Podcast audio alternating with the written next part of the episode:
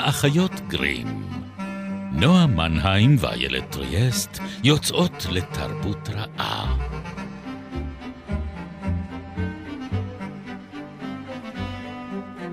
פרק 106, ובו נחזור לילדות ונחפש את הגוון הנכון לבריאת העולם.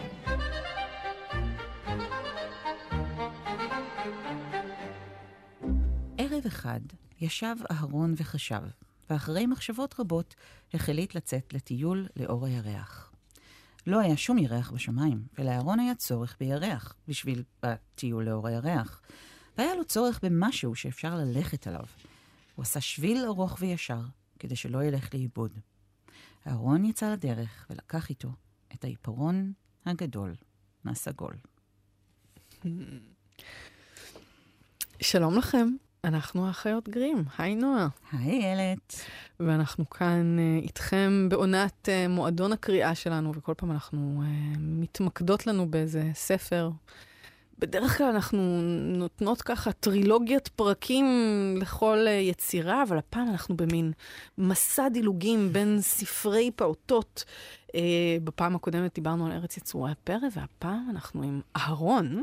שבמקור לא ממש קוראים לו אהרון, והעיפרון הסגול שלו. כן. ש, שבמקור היה קריון, שזה גם לא בדיוק עיפרון. כן, הרולד. והרולד. הרולד and the purple crayon. שזה קריון, זה כזה אמריקאי. נכון. קוקלו, כן. צבע פנדה. זה פנדה. כן, זה הצבעי פסטל האלה, נכון. ה- כולל העטיפה המושלמת הזאת שלהם, עם באמת מקסים. זה גיליתי היה לי רק חלום, חלמתי. שיהיו לי כאלה. היה את ה... את הארוך, את הגדול, את ה... כן. כן, כל הגוונים. כל הגוונים.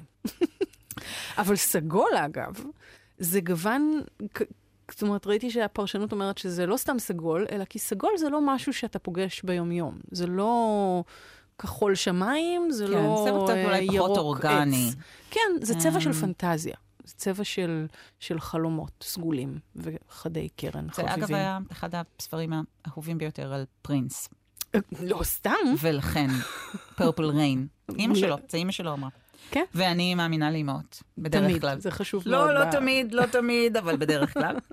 ולמי שלא הכיר את הספר, נגיד, אה, העותק שאני מחזיקה, שוב, אנחנו מצטערות שאנחנו בכלל ברדיו, כי בפרקים הללו אנחנו עוסקות בספרים שהאיורים בהם הם נורא נורא נורא חשובים. לגמרי. אה, ובמקרה הזה זה לא רק שהאיורים, אלא שאני מחזיקה ביד שלי את הספרון הקטן הזה שכולו קרוע וממהוע, אה, והדפים צהובים לחלוטין, כי זה ספר אה, שהיה ספר שלי כשאני הייתי ילדה קטנה. זה מקסים. ואני חושבת שאפשר לראות את ההבדל הזה בזה שכאן תרגמו את השם.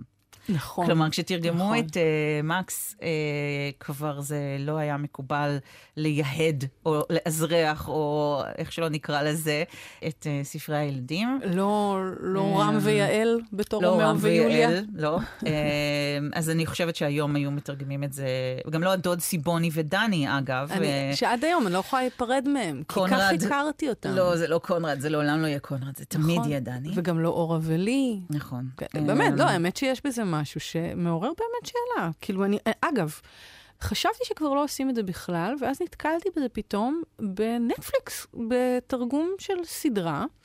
עד אגרנית מדענית הפכה להיות, אה, זאת אומרת, החברים שלה קיבלו פתאום שמות, מה זה יידישקייט? אה, איך קוראים להם? הדס? ו... זאת אומרת, ממש אין קשר למקור. מעניין. רק לצורך, כי הדס המהנדסת או משהו אה, כזה. אוקיי. אז כן, יש, הייתה סיבה לשינוי, ועדיין זה מוזר.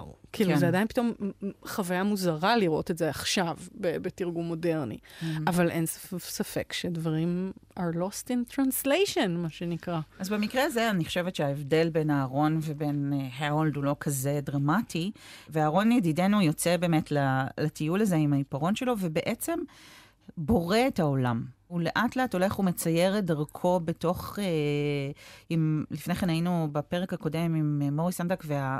הנוף העשיר והמפורט לפרטי פרטים של האיורים שלו. אז כאן אנחנו במרחב איורי שונה לחלוטין. יש את האיורים הסגולים, באמת שנראים כמו ציורים שילד יכול היה לצייר, ואת הדמות הזאת של, של אהרון, של הרולד, שנראה כמו תינוק, זאת אומרת, הוא לובש כן. onesie, מה שנקרא, או Babygro כשהיינו קטנים. מעט שיער. מעט שיער, הוא נראה כמו תינוק, כן, עם הראש ה... אבל יש לו פרצוף קצת בוגר כזה, זאת אומרת, הוא כאילו... איפשהו בין תינוק לבין איש זקן, כמו שהרבה תינוקות פשוט נראים כמו צ'רצ'יל. אוקיי. אז הוא נראה כמו מין צ'רצ'יל קטן כזה, שבורא לעצמו את העולם, והוא מצייר לעצמו את הדרך ואת הירח ואת עץ התפוחים, ואת הדרקון ששומר על עץ התפוחים, אבל אז אחרי שהוא יוצר את אה, יצור הפרא שלו, כן. לצורך העניין, אה, זה נורא נורא מפחיד אותו. בניגוד למקס, שמגיע לארץ יצורי הפרא, והופך למלך שלהם, את הרולד או אהרון זה נורא מפחיד, אה, היד שלו רועדת, ושוב אנחנו במסע הגיבור, כי היא הופכת להיות אוקיינוס. נכון, ואז הוא כמעט טובע. נכון. עד שהוא מציל את עצמו. שוב ושוב הוא מציל את עצמו. נכון. הוא יוצר לעצמו את הבעתה, כן. אבל הוא גם יוצר לעצמו את ההצלה. שוב ושוב בסיפור הזה, בין אם כשהוא טובע אה, ובין אם כשהוא נופל מה, אה, מההר, שאין לו צד שני. אז יש לנו שוב את מסע הגיבור במובן הזה שהוא עובר על פני מים, כן. ומתמודד עם מפלצות.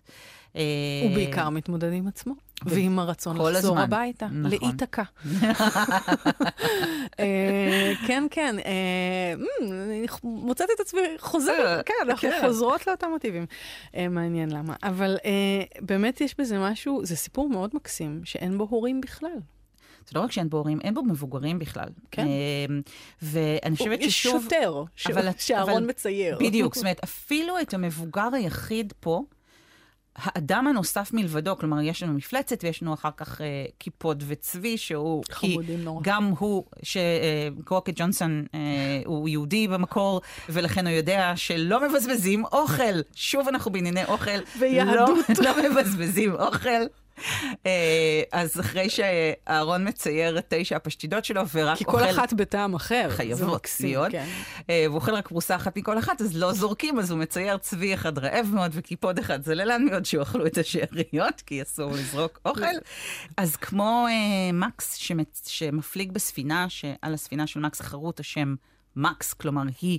הוא, היא חלק ממנו, כן. אז גם כאן אהרון יוצר את הספינה או את הסירה שלו מתוכו. וגם את השוטר. כלומר, אין כאן באמת שום נוכחות של מבוגר, אין כאן שום נוכחות קבועה מלבדו. אמ, והאיורים, האיורים הם ממש בקו סגול, כמובן, כן. שהוא קצת מרכב כזה, זאת אומרת... מאוד מרכב. כן, באמת, הקו הוא הדבר, הוא מה שיוצר את העולם, יוצר את העלילה. אה, אבל זה באמת מקסים, האופן שבו זה נוצר. ואפרופו חוויית הילדות, זו לא חוויית ילדות שלי בכלל, לא הכרתי את הסיפור הזה, והחלטנו לדבר עליו, ומצאתי את עצמי כאילו לומדת את הסיפור כמבוגרת. עכשיו נורא בא לי להקריא אותו לבן שלי ולבת שלי. אז זה מאוד מעניין אותי לדעת באמת איך זה נחווה כמבוגר, כי אני זוכרת שכילדה... אחת הסיבות שמאוד אהבתי את הסיפור, ולא כמובן יכולתי לנסח לעצמי את המחשבה הזו אה, ב, באופן שבו אני מנסחת אותה עכשיו, אבל היה משהו כל כך מעצים, כמו שנוהגים לומר היום, באופן שבו אהרון בורא לעצמו את כל העולם. והיום כמבוגרת, וכשהקראתי את זה לבן שלי גם חוויתי את זה, יש בחוויה הזו משהו נורא נורא מאיים. אני חווי או... כמבוגרת, אני חוויתי את זה כמאוד מאיים. אז אני זאת אומרת, שוב, אני קראתי את זה גם קצת בעיניים כזה של, hmm, איזה סיפור מה מעניין. מה יש פה, כן. כן, כאילו ברמה קצת הפסיכולוגיסטית כזאת לחפש את המשמעויות. אז אני חושבת ש... כן, יש פה גם הרבה סימבוליקה, בחלק מהניתוחים ממש mm-hmm. אומרים על כל אלמנט, איזה ברמה סימבולית, מה הוא מייצג, כן. ומייצג כל מיני אה, כאלה אלמנטים, משקל... ארכיטיפים. ארכיטיפי, כן. כן. אז, אז במקרה, ב, אני, אני חוויתי את זה בתור באמת סיפור ילדים מאוד, גם קצת לא שגרתי, באמת שההורים, זה לא מדויק, ההורים תמיד נעלמים מסיפור הילדים. דיברנו על זה בהקשר נכון. של ספרות ילדים, עוד בפרקים קדומים, כן. על יתומים, לא סתם יש כל כך הרבה יתומים בספרות uh, ילדים. אין הורים, ההורים מפריעים לילד להיות, להיות הילד. לצאת להרפתקה שלו, כן, לצאת, לצאת למסע. להרפתקה, נכון. כן. אז אני חושבת שככל שזה עולם של פעוטות יותר, הסיפור הוא באמת יותר בדמיון, וברור שהוא בדמיון. זאת אומרת, ברור שהוא בתוך איזשהו קו פנימי. Mm-hmm. במקרה הזה זה פיזית קו, זה ממש כן. הקו. ובארץ יצורי הפרא זה בתוך המרחב של החדר שמשנה נכון. צורה. אבל זה נשמר, זה כאילו, יש שם איזה קקון כזה, איזה מקום אה, אה, ש, ששומר על, ה, על הגבולות באיזשהו אופן. הייתי מסכימה איתך, אלמלא סופו של הסיפור. ספרי לי את סופו של okay. אוקיי. הסיפור. אחרי שאהרון מתעייף, עובר הרפתקאות, רעב, אוכל, מציל את עצמו, מח... מתחיל לחפש בעצם את, ה... את אה, חלון חדר השינה שלו, ולא מצליח למצוא אותו. עכשיו, הוא בורא עיר שלמה רק מתוך הניסיון למצוא את חלון חדר השינה שלו, ולא מוצא אותו. ואז הוא נזכר היכן נמצא חלון חדר השינה שלו בלילות ירח. החלון נמצא תמיד מסביב לירח, בדיוק כמו mm. מסגרת. ואז הוא מצייר אותו. אני מספיילרת, זה לא כתוב, אנחנו רואים אותו מצייר את החלון. מסביב לירח, ואז סידר לו אהרון את המיטה שלו, כלומר, זה גם חלון עם אותה. קו כזה, נכון? נכון. הוא חוצה את הירח. חוצה את כן. הירח. אהרון מצייר לעצמו את המיטה, הוא נכנס למיטה, הוא משך אליו את השמיכה, כלומר, משך אליו את העיפרון עם השמיכה, ואז העיפרון הסגול נפל על הרצפה, ועל הארון נפלה תרדמה עמוקה. עכשיו, הוא לא יוצא למסע וחוזר הביתה. זו לא איתקה. זו לא, אה, זה לא נוסטוס. הוא בורא לעצמו גם את המרחב הזה. זאת אומרת, האם הוא באמת חזר הביתה? האם הוא באמת בבית שלו? במיטה שלו? או שזה בית אחר לגמרי, זה חלון אחר לגמרי. כלומר, יש משהו בחוסר הקביעות כאן, שכמבוגרת מילא אותי איזה צמרמורת וחרדה קיומית כזו, כן? חרדה שהיא של העל-ביתי, ששוב המושג הזה חוזר, מפני השאלה האם באמת, האם אהרון הגיע הביתה? או, או שהוא במרחב אחר לחלוטין, כי בניגוד נגיד לירח של ארץ יצורי הפרא, שדיברנו עליו בפרק הקודם, הירח נשאר כאן בצורתו כל הזמן. כלומר, זה תמיד חרמש ירח, הזמן כופה, הזמן לא זז ולא עובר, למרות כל ההרפתקאות האלה, וההמצאה... כן. מלווה אותנו ממש עד הרגע האחרון שהעיפרון נופל לו מהיד. זהו, אז זו שאלה, אבל כי כל היצירה של הדבר הזה היא העיפרון. זאת אומרת, הקו הזה שהוא יוצר לעצמו. ואז בסוף באמת, כן, הסיפור נגמ... מתחיל ומסתיים בעצם בעולם הדמיוני הזה של הצבע הסגול. כן. ובמובן הזה הוא מנותק לגמרי מהקשר. כאילו, הוא מנותק, זאת אומרת, הוא, הוא יכול כולו להתקיים בתוך המרחב גם המוגן של השינה. שזה גם פתרון שהרבה נכון. פעמים מתרחש. אפילו, את יודעת, דורותי וקוסם ארץ עוץ, האם היא ישנה, האם היא חטפה מכה בראש, האם שום דבר מהדברים האלה לא קרה. זאת אומרת, כאילו, אה, אה, אפרופו גם, התרגומים לפעמים הקולנועיים תמיד מנסים לתת פרשנות יותר כזאת חד משמעית, כן. דווקא בגלל הוויזואליות שלהם. אני חושבת שהם מנסים לצרטט גבול, גבולות ברורים יותר. ופה זה, את צודקת, זו באמת שאלה, כי כל המרחב פה הוא לא מתואר בכלל כריאליסטי. המרחב mm-hmm. מהרגע הראשון של הסיפור ועד הסוף שלו הוא מרחב לחלוטין בראשו וביצירתו של הגיבור. ואז הדבר היחיד שכן משתנה, זה שהוא קבע לעצמו מתי הוא בפנים ומתי הוא בחוץ. Mm-hmm. זאת אומרת, ברגע שהוא מבין את הפרספקטיבה, כאילו את העובדה שאם הוא מצייר את הירח לא בחוץ, אלא בתוך חלון, אז החלון הוא המקום שממנו הוא מסתכל. זאת אומרת, זה... ממש זה... מצייר לעצמו מסגרת. כן. מצייר לעצמו מסגרת בדיוק. וגבולות שבתוכן הוא מוכל. ואז הוא גם יכול לשחרר את, ה, את היצירה הזאת ולהירדם. וההירדמות היא עוד יותר כאילו עם מרחב של חוסר שליטה. אני חושבת שזה מאוד הרגיע אותי כשגיליתי שיש לספר המשכים. המון, כן, כן, זה ממש סדרה. המון המשכים שלא לא כולם תורגמו ל, לעברית. כן. אה, כי זה הרגיע אותי, כי אמרתי, אוקיי, אז הוא אז חזר. הוא חזר. או שהוא עדיין כלוא בלימבו של העיפרון אבל, שלו. אבל הוא, בס... הוא בסדר, הוא בסדר, הוא והעיפרון בסדר. אולי יש עיפרון אחר. יכול להיות. אמ, ואני גם אוהבת, אם דיברנו שוב על יחסי טקסט איור, אז בכל הספר האיורים של אה, אהרון אפילו כשהוא מצייר את האוקיינוס. שזה רגע אמ, נורא יפה, כי באמת היד שלו היד רועדת. שלו רועדת. נכון. מה שיוצר דווקא, והנה, זה רגע משמעותי במסע הגיבור, המעבר על פני המים, זה נוצר בחוסר שליטה, לעומת כל התכנון נכון. והשליטה, שגם שם לפעמים, נגיד עם הדרקון, הוא יוצר משהו שמפחיד אותו עצמו. כלומר, כן. משהו שחרג מהגבולות של התכנון. כי נכון. יש משהו מאוד מתוכנן, גם לא סתם, הוא עסק בציור גיאומטרי, נכון? זאת אומרת, היה כן. ממש ציור מתמטי, עם חישובים מתמטיים. שאני לא יודעת אם אני מבינה אפילו עד הסוף מה זה אומר, אבל, אבל כן היה פה הרבה תכנון שהוא קצת בעולמות המתמטיים המדויקים mm-hmm. מאוד. וכאן זה סיפור גם קצת על חוסר, זאת אומרת, על מה קורה כשאתה מנסה לתכנן כל כך, או להיות בעולמות כאלה מסודרים עד למיקרון, ואז פתאום הם... מפתיעים אותך. הם, הם מגיעים למחוזות הדמיוניים, הפנטסטיים. הם מפחידים אותך לפעמים, כן. אתה מפחיד את עצמך. בגלל זה אני אוהבת שהעמוד הראשון, כאילו לפני שהוא יוצא למסע, הוא מקשקש. כלומר, המקום היחיד שאנחנו רואים את אהרון בעצם עושה מה שילדים עושים בגיל הזה, וסתם מקשקשים על דף, זה באמת בהתחלה. ואז הוא כאילו עובר את התהליך התבגרות הזה, שבו הוא מנסה להשליט סדר בעולם שלו, הוא מנסה למשטר את העולם שלו, הוא נכשל, הוא מצליח, הוא מצליח לחלץ את עצמו מהמקומות שאליהם הוא תוקע את עצמו, אבל אנחנו רואים אותו מתבגר בעצם. ויש פה משהו, אפרופו השליטה הזאת, יש את המקום הזה שהוא רוצה לצייר יער, אבל mm. הוא לא רוצה ללכת לאיבוד ביער, אז הוא מצייר רק עץ אחד. אחד כן. שזה גם נורא יפה. מאוד מדויק למחשב. המחשבה כן. גם הילדית, וזה באמת, אה, רגע להזכיר שהמאייר והמחבר של הספר הזה, דיוויד ג'ונסון לייסק. אה, קרוקט. קרוקט ג'ונסון, כי היה מסובך מדי להגיד את שם המשפחה שלו. הוא היה קריקטוריסט, הוא מאייר ספרי ילדים, אה, אמריקאי, והיו לו למעלה ממאה ציורים בהשראת עקרונות גיאומטריים ומתמטיים. כן, זה... זה היה ממש דבר שהוא עסק בו הרבה. וגם היה לו את הקריקטורות האלה של ברנבי. נכון, מאייר מאוד, מאוד ידוע ומפורסם.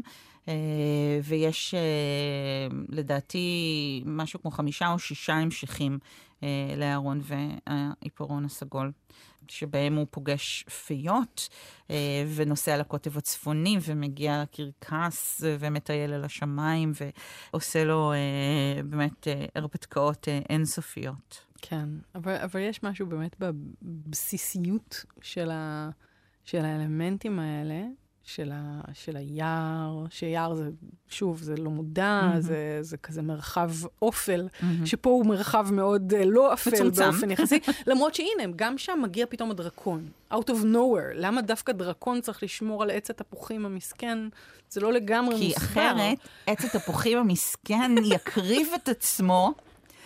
כפי שנגלה כפי בפרק הבא. כפי שנגלה בפרק הבא. צריך לשמור על עץ התפוחים מפני עצמו, איילת. נכון, האמת, עכשיו שכנעת אותי לגמרי.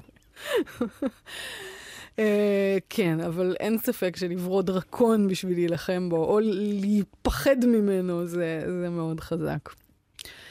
אז אני חושבת שבאמת, אבל אם נחזור שנייה אולי לככה כדי לסכם גם על, ה, על, ה, על העובדה שאני באמת גם לא גדלתי על זה, אה, וגם אה, אה, ככה, הסיפור הזה שאני פתאום קלטתי שרוב, אולי כל ספרי הפעוטות ש, שסיפרו לי, היו עבריים. כאילו לא היה את האובדן בתרגום הזה, כי, כי באמת... אני חושבת שגם זה לא סתם, זה מעיד גם על העושר האדיר של ספרות uh, לילדים, לילדים קטנים, בעברית. כל סופר גדול ישראלי, אני חושבת עברי, אה, בטח בראשית הציונות, כתב ספרים ושירים, אה, כולל המשורר הלאומי, כולל כל, אה, באמת, הגדולים מכולם. שהרבה פעמים היו פשוט תרגומים שלא ידעת שהם תרגומים שכתובים. מרוסית. מרוסית, כן. שרק כן. אחרי שנים גילינו. גילינו שבעצם יש לזה מקור ואף פעם לא טרחו, לא לתת קרדיט, לא להודיע, לא היה מין פרפרזות פרועות כאלה. כן. על מקורות נכון, רוסים בדרך כלל. זה מעניין, אבל, אבל אני חושבת שגם היה באמת הרבה, הייתה הרבה יצירה הרבה, מקורית, המון. וגם היא נבעה מהצורך באמת לחדש את השפה, ואיזו דרך מופלאה יותר לחדש שפה מלהביא אותה uh, כן. לאנשים שהולכים בעתיד לדבר אותה. זאת אומרת, כאילו לגדל ילדים ככה. ולא רק זה. זה היה, זה היה עיקרון ציוני, זה נכון. לא היה נכון. מקרי, זה היה עיקרון מאורגן, מחושב לחלוטין, עם שליחות ומשימה אה, אה, שצריך היה לעמוד בה. אבל זה לא רק זה, זאת אומרת, זה לא רק המרחב של השפה, אלא גם המרחב האנושי והמוסרי, זאת אומרת, מה הדרך הטובה ביותר כן. להנחיל את העקרונות שלך. האוטו ש... שלנו גדול וירוק. נכון, כמו שאמרו הישועים. תנו לי את הילד עד אה, שהוא יהיה בן אה, שבע, לדעתי, ואראה לכם את האדם. כן. הדרך הטובה ביותר לייצר אינדוקטרינציה, אה, לחנך כן. לעקרונות הללו הייתה לפנות אל הילדים בגילאים הכי אה, נכון. צעירים שלהם. וגם באמת בדור הזה של ככה קום המדינה, או, או הרבה לפני, או עוד קודם, זה באמת היו אנשים שגם בחלקם הגדול היו אנשי חינוך. זאת אומרת, כמה יצירות כן. כאלה נוצרו מהמפגש הבאמת בלתי אמצעי עם ילדים בשד... זאת אומרת, החינוך הקיבוצי. בשדה ובניר. ממש, ממש. במקרה הזה באמת זה היה ככה, וככה באמת כל ה... זאת אומרת, אז זה הספרות והשירה לפעוטות שאני גדלתי עליה, וזה באמת מאוד מאוד חזק. זאת אומרת, זה מאוד uh, משמעותי מבחינתי בזיכרון. כן. ואז הספרים האלה שאנחנו בחרנו, הם כולם ספרים מתורגמים. Uh, והם מגיעים ממרחבים אחרים. ומרגישים את זה באיזשהו אופן. זאת אומרת, הם לא, הם לא מדברים את אותה שפה עד הסוף מבחינת האתוס המקומי הזה. למרות שאת יכולה לראות את, אה, את אהרון אה, כחלוץ. אה, הוא בורא את העולם. אבל הוא בורא דרקון, נועה. מצמיח עץ תפוחים. תפוזים במקרה שלנו. תפוזים במקרה שלנו, מעניין איך לא הפכו אותם כן. לתפוזים בתרגום. אז הוא נוטע עץ, והוא מייבש את הים. והביצות. את מתאמצת פה, כן. אני יכולה ללכת הוא, לשם. איזה עיר הוא בונה? גורדי שחקים. נכון, נכון, נכון, זה עיר מאוד... גורדי אה, שחקים, תפוחים, הסמל האמריקאי המושלם. כן, גם הבית אומרת... שהוא מצייר הוא כזה פיקט פנסס, כן, זה בית uh, צמוד קרקע מהסוג שלא היה כאן. וגם yeah. הדרקון, הדרקון לא שייך למרחב התרבותי הישראלי. זה גם לא שוטר ישראלי, נכון. לא שוטר עברי, זה אינו השוטר אזולאי. לא שוטר עברי. לא. כן. אה, והוא מצביע לכיוון שהוא ממילא רצה ללכת אליו. שזה פשוט נהדר, זה מקסים, כן? זה באמת אה, מקסים. כן. צריך לשאול שאלות כשאתה יודע את התשובות. כן, לגמרי. לא, זה, זה ספר מקסים, אני באמת אה, עכשיו גיליתי אותו בזכותך. אבל אני חושבת ש... באמת יש פער, וכאילו זה מדהים כמה תרבות יש בספרים האלה, זאת אומרת, כמה mm. תרבות לא מודעת. Mm-hmm. הם כן ספרים שכאילו יש בהם משהו יותר כאילו באמת מרחב כזה זר, מרחב פראי יותר, חופשי יותר באיזשהו אופן.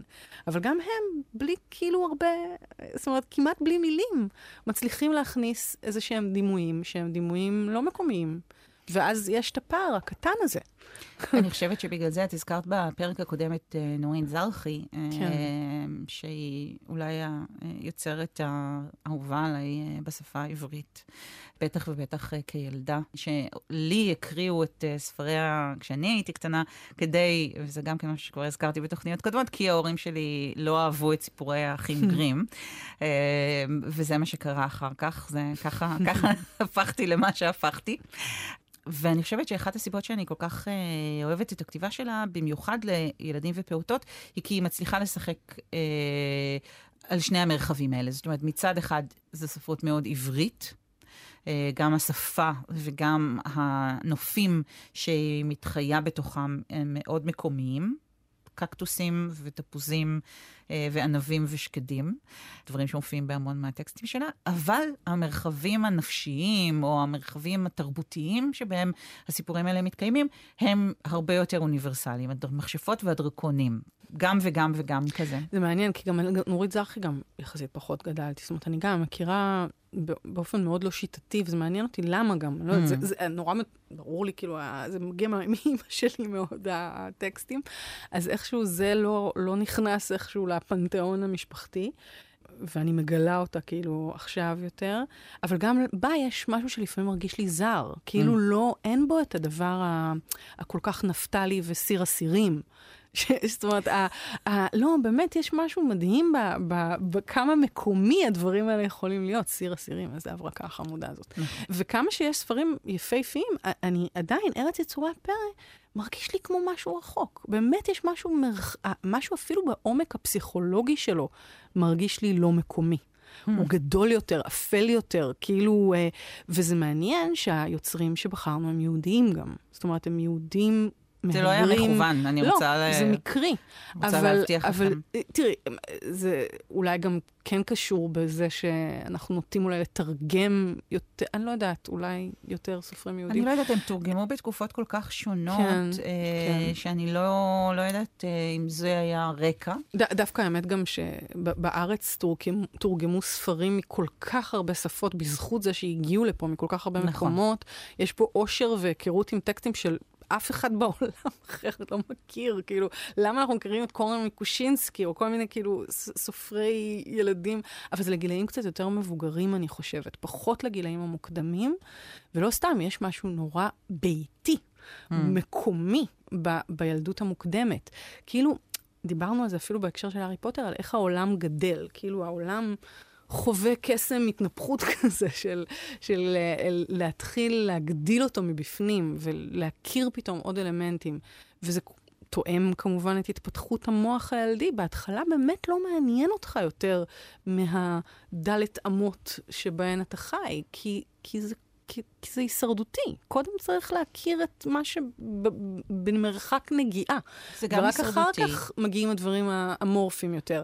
דווקא ארץ יצורי הפרא הוא, זאת אומרת, מראה כמה המרחב הפנימי הוא מרחב גדול ומפחיד ומצוקתי, ו, וגם אולי הארון יש בו את האלמנט הזה של היצירה שמגיעה מבפנים. זהו, במובן הזה אני חושבת שבארון אפילו יותר, כי זה כל היצירה הזאת נובעת מבפנים. זאת אומרת, אנחנו, אין לנו אפילו את ההקדמה והסיום שיש בארץ יצורי הפרא של היציאה מהבית והחזרה אל הבית, היציאה מהחדר וחזרה אל נכון. החדר, אלא הכל כאן בעצם הוא הקשקוש או הציור הזה אה, של הארון. ועדיין, אבל המוטיבים הספציפיים שמצוירים, אפרופו, איזה מראות כאילו הילד הזה יכול, בכל זאת הרי הדמיון שלנו מושפע ממשהו ש...